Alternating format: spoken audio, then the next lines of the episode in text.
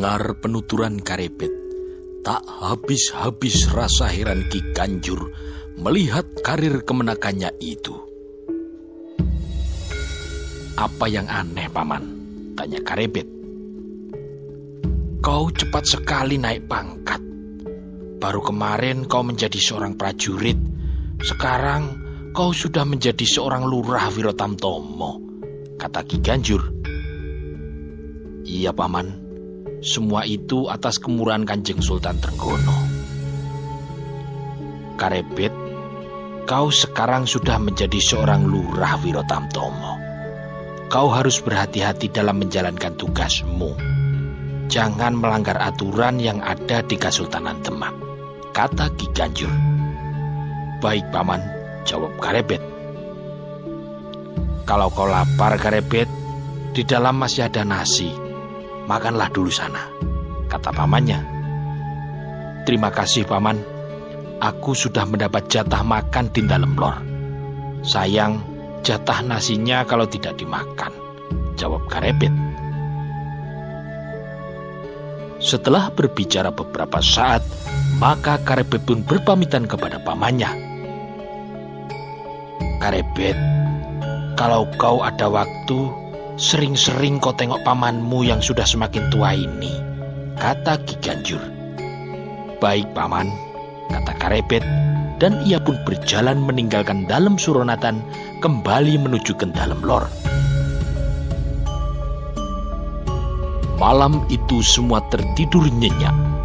Suara kentongan pun tidak mampu mengusir dinginnya udara malam dan suara binatang malam yang terdengar bersautan mengisi sepinya malam. Setelah lingsir wengi, makin sering terdengar suara kokok ayam yang bersaut-sautan.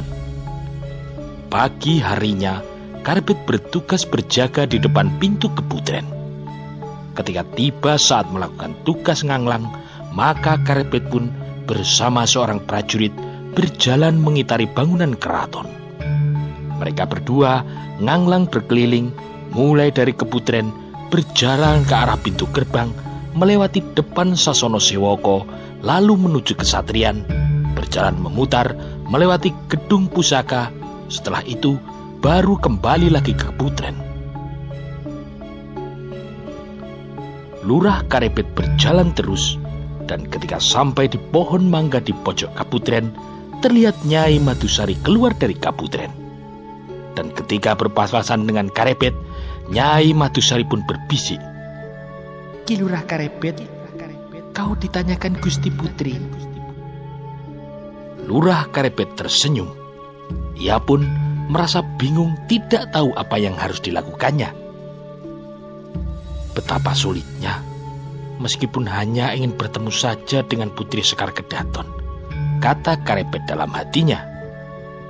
Beberapa hari kemudian, di suatu pagi, matahari sudah semakin meninggi ketika lurah Karebet bertugas jaga berdua dengan seorang prajurit di depan ruang dalam. Seorang emban yang sudah tua keluar dari ruang dalam dan lurah Karebet pun bertanya kepadanya. Biung, mau ke mana Biung emban? Oh, Kilurah Karebet, saya mau ke Keputren Gusti Putri Sekar Kedaton dipanggil Ibunda Gusti Kanjeng Prameswari, kata emban itu. Oh, silahkan biung emban, kata lurah Karebet, dan emban pun segera berjalan menuju ke keputren. Hmm, sebentar lagi Gusti Sekar Kedaton akan melewati pintu ini, kata Karebet dalam hati. Di depan keputren, biung emban itu masih ditanya lagi oleh seorang prajurit Wirotamtomo yang menjaga keputren. Mau ke mana Byung Ban? Tanya seorang prajurit Wirotamtomo. Mau ke keputren. Gusti Putri Sekar Kedaton dipanggil oleh Gusti Kanjeng Prameswari. Jawab Byung Emban. Emban pun kemudian mengetuk pintu keputren dan tak lama kemudian pintu pun dibuka oleh seorang emban keputren. Dan saat kemudian Emban Prameswari pun masuk ke dalamnya dan berjalan ke ruangan Putri Sekar Kedaton. Siapa prajurit yang sekarang bertugas di ruang dalam Biong Emban? Tanya Putri Sekar Kedaton. Yang bertugas prajurit Somo dan Kilurah Karebet Gusti Putri, jawab Emban Prameswari. Sekejap terlihat sebuah senyum dan pandangan Sekar Kedaton yang berbinar-binar mendengar yang berjaga di ruang dalam adalah Kilurah Karebet. Piung Emban, kau berjalanlah dulu ke kanjeng ibu. Katakan, aku segera menghadap kanjeng ibu. Nanti aku akan diantar oleh Nyai Madusari, kata Putri Sekar Kedaton. Sendiko Gusti Putri, kata emban itu, dan ia pun segera keluar dari keputren menuju ke ruangan dalam keraton. Nyai, saat ini yang berjaga di ruang dalam adalah Kakang Karebet dan Kakang Somo, kata Sekar Kedaton. Ah, itu mudah Gusti Putri, kata Nyai Matusari. Mudah bagaimana Nyai? Tanya Gusti Putri Mas Cempoko. Serahkan ke saya Gusti Putri, yang penting nanti Gusti Putri bisa berbicara dengan Kilurah Karebet, kata Nyai Madusari. Hah? Awas Nyai, nanti kalau aku sampai tidak bisa berbicara dengan Kakang Kerebet, kata Sekar Kedaton. Pasti bisa Gusti Putri, jawab Nyai Madusari. Putri Mas Cempoko dan Nyai Madusari segera berkemas dan berjalan keluar Kaputren untuk menghadap Kanjeng Prameswari.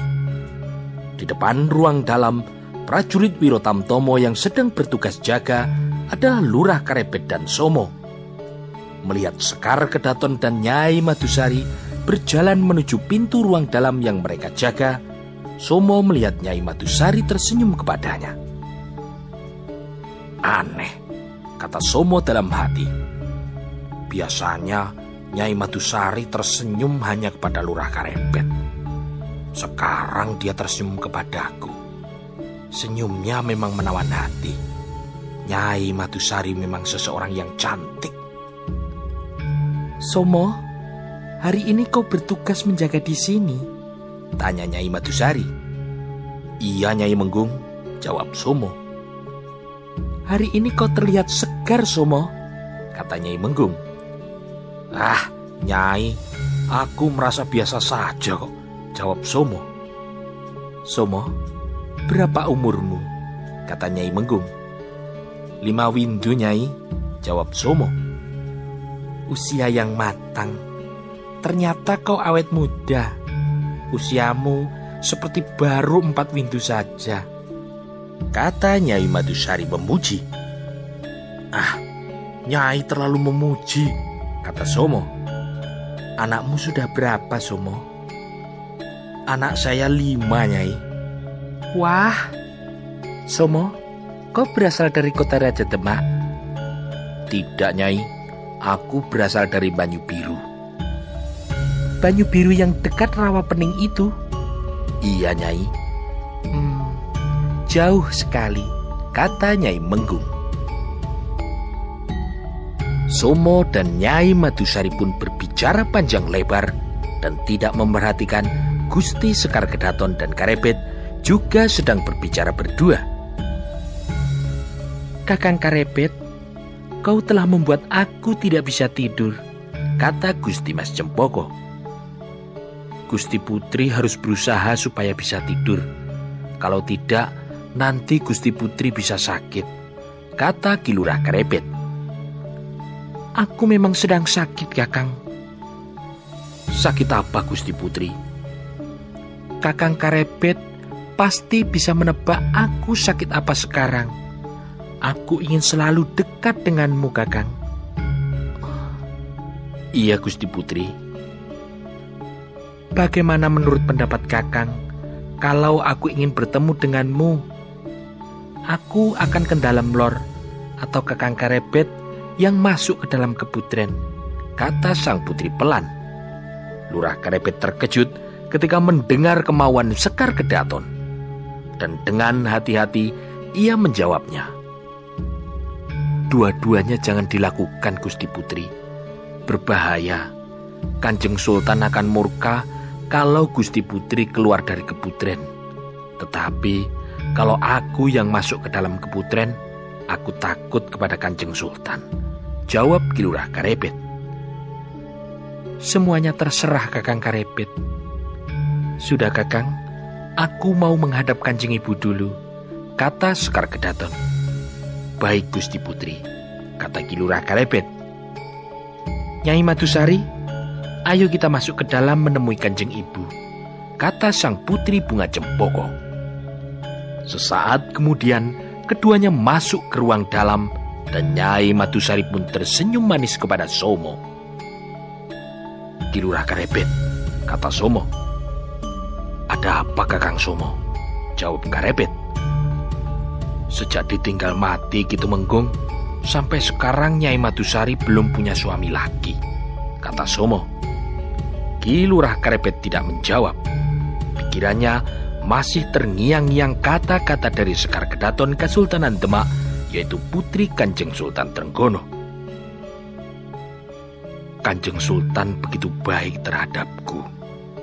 Tapi bagaimana nanti kalau Sekar Kedaton ingin bertemu denganku? Ah, Aku jadi bingung. Kata lurah karepet hampir tidak terdengar. Perhatian Gusti Putri kepadaku ternyata besar sekali. Apakah demi cinta aku harus melangkai tembok keputren? Di pojok keputren ada sebuah pohon mangga. Sekali lompat, sebenarnya aku bisa masuk ke dalam keputren. Tetapi kata Lurah Karepet dalam hati. Lurah Karepet dan Somo, dua orang prajurit Wiro Tamtomo yang berjaga di ruang dalam terdiam, mereka tenggelam dalam bayangan angan-angannya masing-masing. Setelah agak lama, terlihat Putri Sekar Kedaton diikuti oleh Nyai Menggung keluar dari ruang dalam dengan senyum manisnya Nyai Madusari menghampiri Somo. Somo, Nanti kalau pohon belimbing di rumahku sudah masak, tolong ambilkan buahnya ya, kata Nyai Madusari. Baik Nyai, kata Somo. Di sebelahnya, Sekar Kedaton berbicara perlahan-lahan kepada Lurah Karepet. Bagaimana kakang? Tanya Putri Mas Cempoko. I, iya Gusti Putri. Terima kasih. Sekarang aku akan kembali ke keputren kakang kata Sekar Kedaton sambil tersenyum. Lurah Karepet pun mengangguk sambil memandang mereka berdua berjalan menuju ke keputren.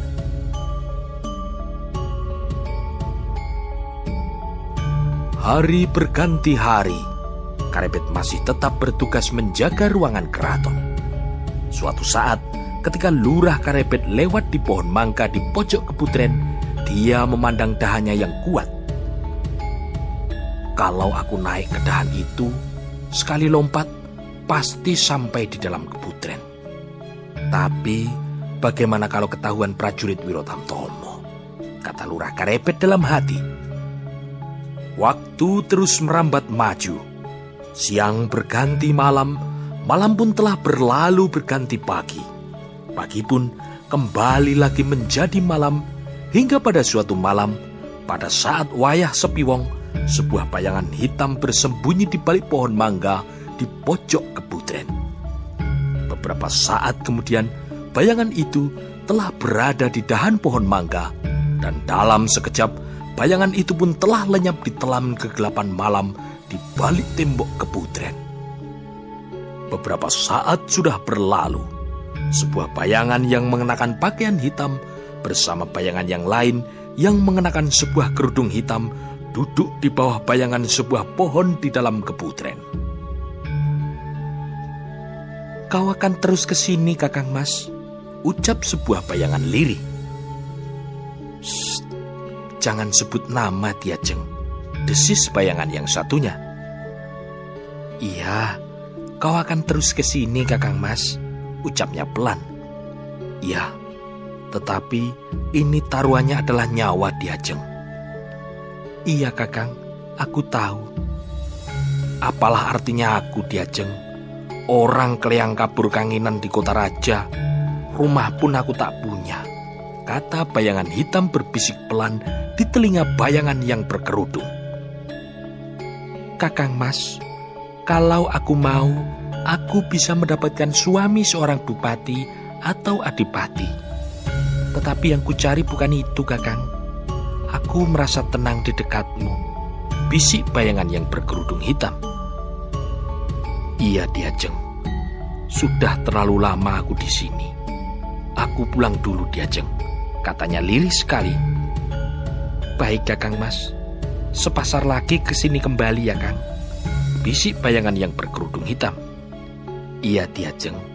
Lalu bayangan hitam itu berjongkok dan tanpa suara dia bergeser ke sebuah pohon dan berlindung di bawah bayangannya. Kemudian, dalam sekejap bayangan itu pun telah menghilang di kegelapan malam. Waktu terus berjalan. Matahari tetap menyinari bumi. Terbit dari arah timur dan tenggelam di arah barat. Bulan pun masih setia menempel di atas langit, mengeluarkan cahaya yang redup. Bintang-bintang juga tidak merasa lelah setiap saat berkedip di angkasa dan tidak terasa waktu sudah berjalan 2 sampai 3 condro. Dalam waktu dekat di kesatuan Wiro Tamtomo ada beberapa prajurit yang akan purnawira dan berhembus kabar bahwa di Kesultanan Demak tidak lama lagi akan diadakan sebuah pendadaran bagi para pemuda yang akan menjadi calon prajurit Wirotamtomo. Beberapa prajurit dari kesatuan Wiro Manggolo telah disebar untuk menyampaikan woro-woro pendadaran ini ke seluruh wilayah Kesultanan Demak yang dekat dengan kota raja maupun yang jauh. Belasan prajurit Wiromanggolo disebar dan telah diberangkatkan menuju ke beberapa daerah. Ada yang menuju ke daerah barat, Asem Arang, Tegalarang, menuju ke sebelah utara, Jeporo, ada juga yang menuju timur dan selatan, Kudus, Pati, Tuban, Jipang, Trowulan, Selo, Kuwu, Simo, Banyu Biru, Pingit, Soropadan, Tingkir, Pengging, Pacang, Butuh, Wedi, Gunung Kidul, bahkan menyeberang ke sebelah barat Sungai Progo di daerah Kulon Progo, daerah pegunungan Menoreh, Begelen, sampai di kaki Gunung Selamet. Selapan hari setelah adanya woro-woro pendadaran untuk menjadi calon prajurit di dalam keraton bertempat di ruangan Wirotamtomo, Tumenggung Gajah Birowo mengumpulkan lima orang lurah Wirotamtomo termasuk lurah Karebet dan lurah Wiryo Woro-woro adanya pendadaran untuk menjadi calon prajurit baru telah disebar. Dan para prajurit Wiromanggolo yang bertugas menyebarkan woro-woro sudah kembali ke kota raja. Kata Tumenggung Gajah Birowo. Pendadaran untuk menjadi calon prajurit nanti akan diadakan di alun-alun. Peserta pendadaran nantinya akan diadu dengan seekor kerbau liar tanpa menggunakan senjata apa pun. Nanti akan dapat dilihat apakah orang itu pantas diterima menjadi seorang prajurit Wirotamtomo atau tidak. Kata Tumenggung Gajah Birowo. Kalian nanti yang akan dapat mengusulkan kepada Tumenggung Suronoto apakah peserta yang ikut menjalani pendadaran dapat diterima menjadi prajurit Wirotamtomo. Kata Tumenggung Gajah Birowo lagi. Kalian berlima nanti akan diatur tugasnya Paling tidak, ada tiga orang dari kalian yang tidak sedang bertugas di dalam keraton dapat mengawasi dan mengatur jalannya pendadaran di alun-alun. Kata Kitu Menggung. Besok pagi, belasan kerbau-kerbau liar yang baru ditangkap dari hutan akan datang dan nantinya akan dikandangkan di dekat alun-alun. Kalau ternyata kerbaunya kurang, masih ada belasan kerbau liar yang disimpan di dalam hutan. Pendadaran itu cukup setengah hari saja, tidak perlu sampai sore. Yang belum mendapat kesempatan bisa mengikuti pendadaran pada keesokan harinya. Pendadaran akan kita mulai pada hari Radite Kasih dua hari lagi. Besok dimulai pembuatan belabar kawat, bambu pembatas sudah disiapkan. Nanti akan aku tentukan siapa-siapa yang bertugas pada hari Radite Kasih, Sumo Manis, Anggoro Jenar, Budo Palguno, Respati Cemani, dan seterusnya. Kata Kitu Menggung. Akan disiagakan juga beberapa orang dukun yang bisa merawat luka sobek akibat terkena tanduk kerbau. Yang akan mengikuti pendadaran kali ini, calon prajuritnya cukup banyak. Yang sudah dicatat ada 50 orang lebih dari berbagai daerah. Nantinya sehari bisa enam orang yang ikut menjalani pendadaran. Nah, kalau kalian sudah mengerti, silahkan kembali ke tugas masing-masing. Kata Tumenggung Gajah Birowo. Sentiko tahu itu menggung. Kemudian selesai pertemuan itu dan para lurah Wirotamtomo itu kembali ke tempat bertugasnya semula. Keesokan harinya, di alun-alun terlihat adanya kesibukan pembuatan arena untuk pendadaran penerimaan prajurit baru. Pagar bambu telah dipasang, belasan kandang kerbau juga telah diisi. Di setiap kandang diisi seekor kerbau liar, sebuah panggung, para lurah Wirotamtomo yang akan menilai pendadaran juga telah siap. Pada hari pertama pendadaran, yaitu hari Radite Kasih, yang sedang bertugas adalah tiga orang lurah yang telah ditunjuk oleh Tumenggung Suronoto. Sedangkan lurah Karepet saat itu sedang bertugas menjaga gedung pusaka. Tugasku besok pagi bersama Ki Lurah Wiryo pada Somo Manis, kata Lurah Karepet dalam hati. Siang harinya, ketika ada prajurit yang nganglang berjalan mengelilingi keraton, Lurah Karepet pun bertanya, Bagaimana kabar pendadaran hari ini? Kata prajurit penjaga pintu gerbang, empat orang berhasil lulus. Satu orang menyerah karena tidak melanjutkan pendadaran. Satu orang lagi gagal terkena tanduk sehingga terluka di pahanya. Dua ekor kerbau mati. Dua ekor kerbau lainnya pingsan. Kata prajurit yang sedang nganglang. Terima kasih, kata lurah Karebet dan prajurit itu pun segera meneruskan tugasnya untuk nganglang. Keesokan harinya, pagi-pagi sekali lurah Karebet sudah bangun. Hari ini, dia bertugas mengawasi jalannya pendadaran.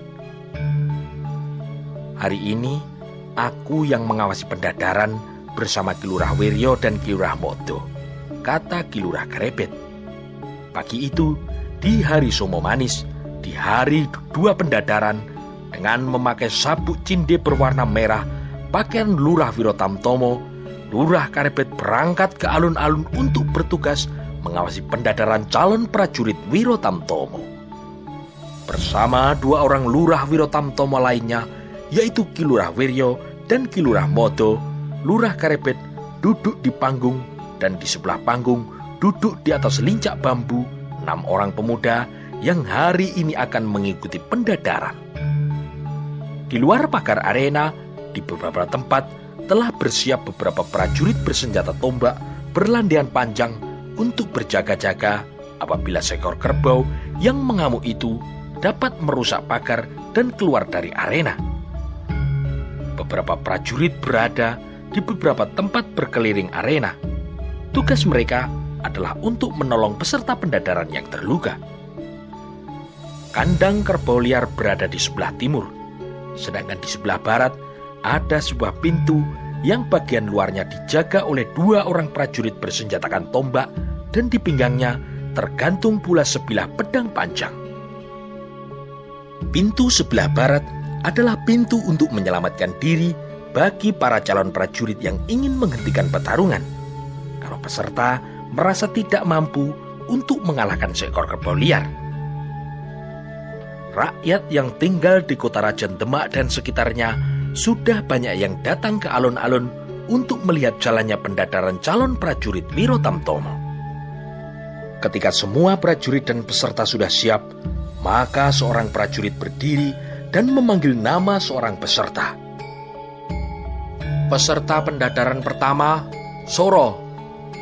Di sebelah panggung, seorang yang bertubuh tinggi besar yang akan mengikuti pendadaran berdiri dan berjalan menuju tempat prajurit telah memanggilnya. Kau Soro? Tanya prajurit yang bertugas. Ya, jawab orang itu. Soro, dari mana kau berasal? Saya berasal dari Soropadan, jawab Soro. Soro dari Soropadan, tanpa membawa senjata, kau berani melawan seekor kerbau liar?